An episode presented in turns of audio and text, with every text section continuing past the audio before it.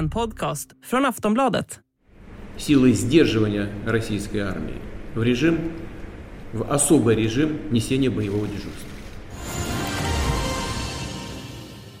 Rysslands president Vladimir Putin har idag beordrat sina förband med kärnvapenkapacitet att höja sin beredskap.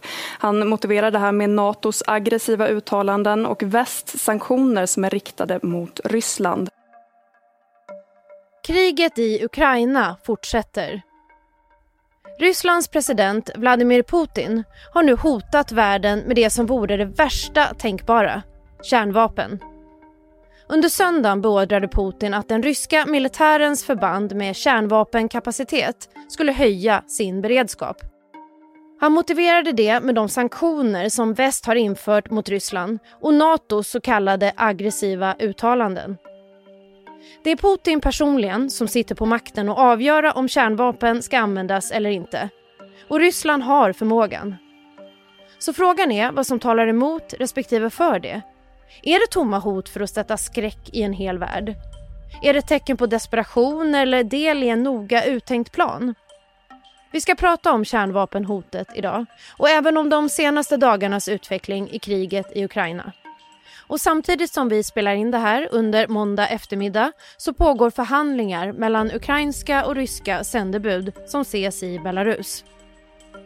Du är varmt välkommen att lyssna på Aftonbladet Daily. Jag heter Amanda Hemberg Lind.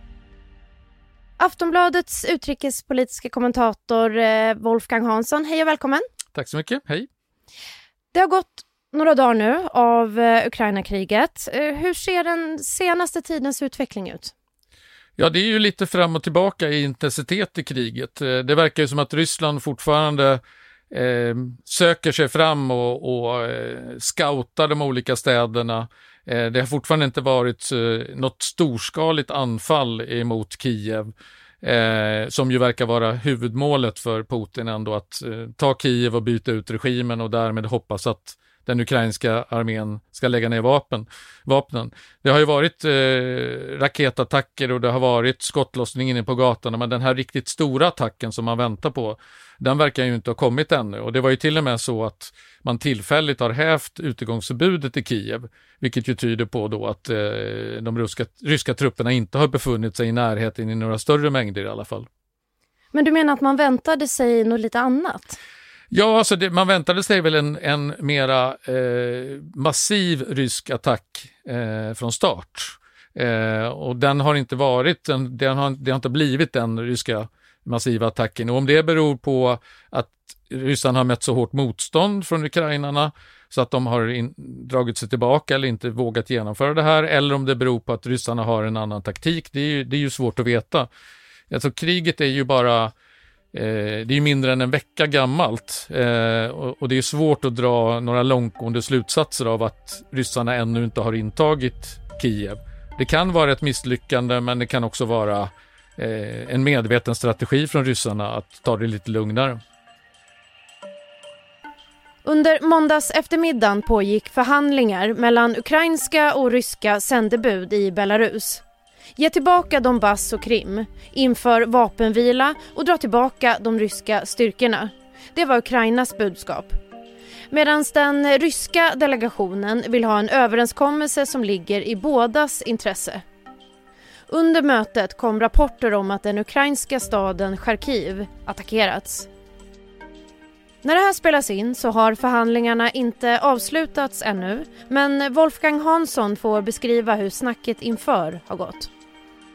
Om man tittar på förhandsförväntningarna så är ju de ganska låga, åtminstone från den ukrainska sidan. President Zelenskyj har ju sagt att han inte förväntar sig att det ska komma fram någonting av de här förhandlingarna, åtminstone i, i det första stadiet.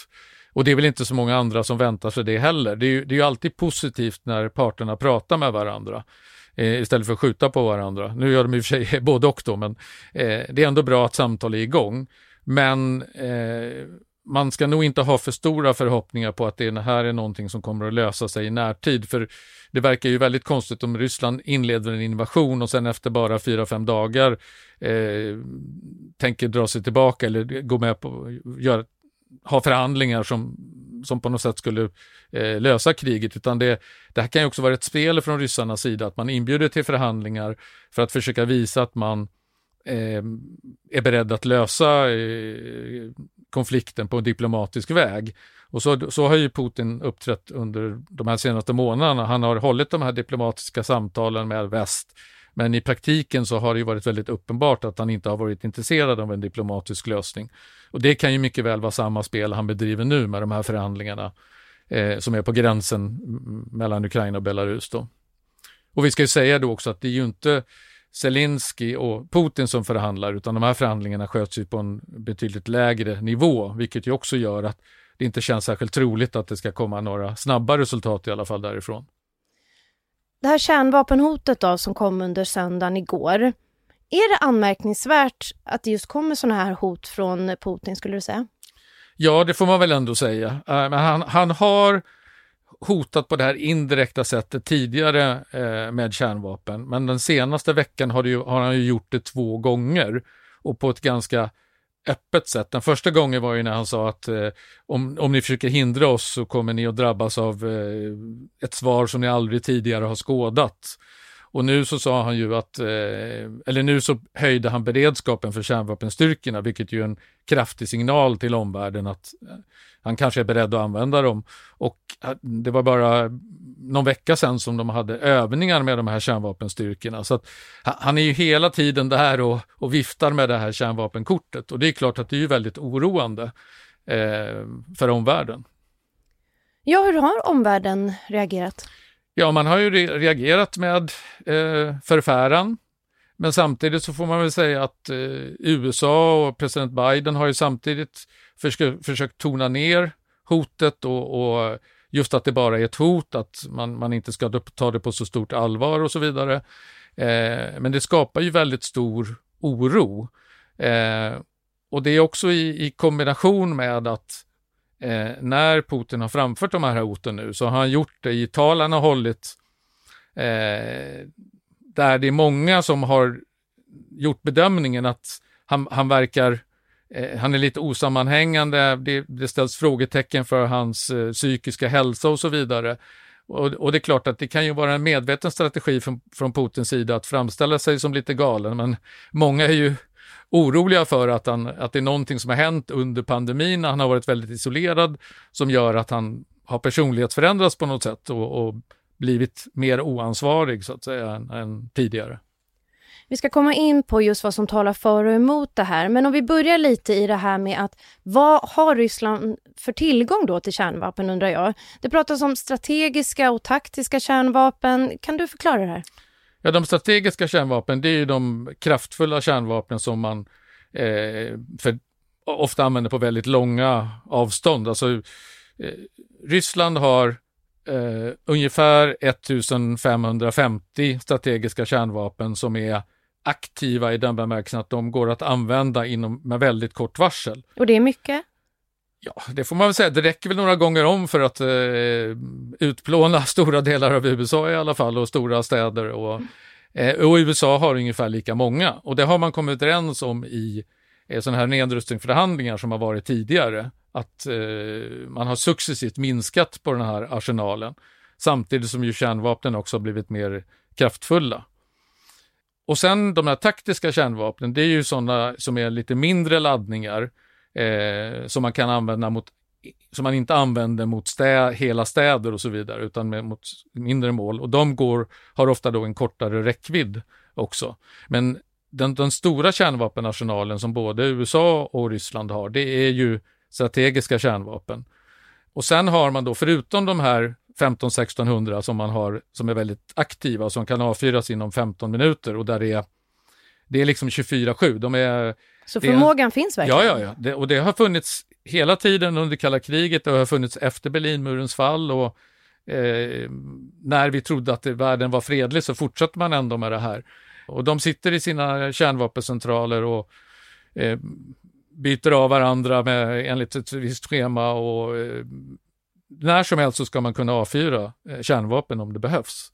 Eh, men förutom de här 15-1600 kärnvapnen som är på det här sättet då, så har man ytterligare 4 500 eller någonting sånt, kärnvapen vardera sidan som är antingen ligger i malpåse eller ändå kräver liksom lite mer särskilda förberedelser för att kunna avfyra. De går inte att skjuta iväg så här på kort varsel. Men totalt sett har båda sidor ungefär 6 000 kärnvapen vardera. Och det är ju liksom en enorm kraft i de här. Eh, jag menar, man tänker på bomberna i Hiroshima och Nagasaki som är enda gången som man använt eh, kärnvapen i slutskedet av andra världskriget.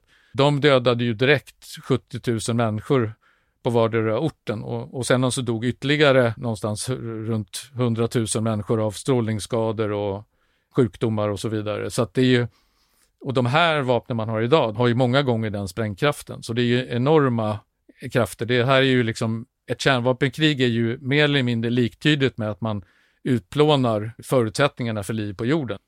Men vad talar då för respektive emot att Putin väljer att göra allvar av sina hot och använda kärnvapen? Alltså jag kan bara se ett enda skäl som talar i för. Och det är om han blir så desperat av att det här kriget eventuellt går dåligt då, att han känner sig trängd, att han känner sin egen maktställning hotad och att han är psykiskt instabil helt enkelt.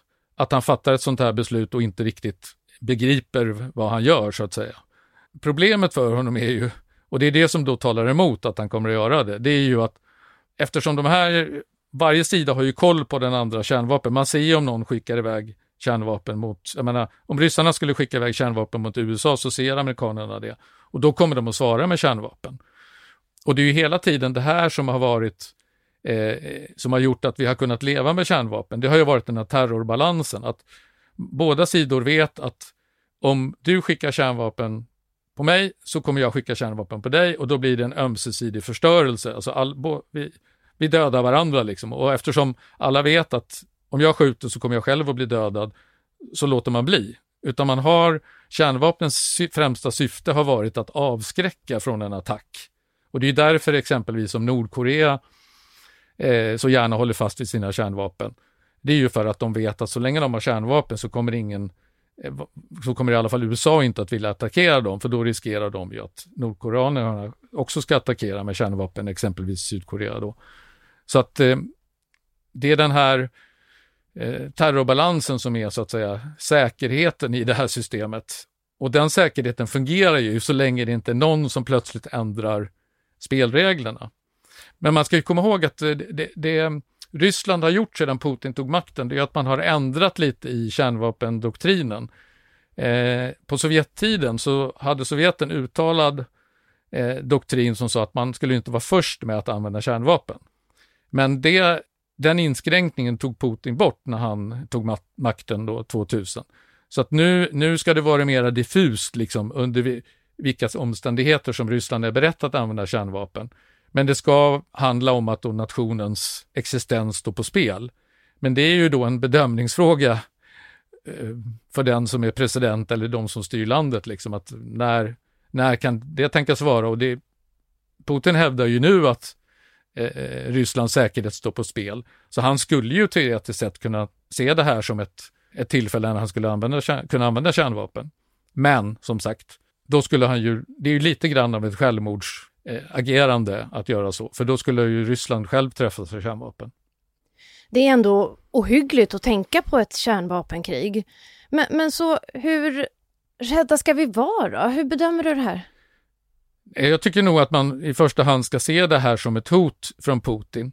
Han vill att vi ska tro att han är beredd att använda kärnvapen.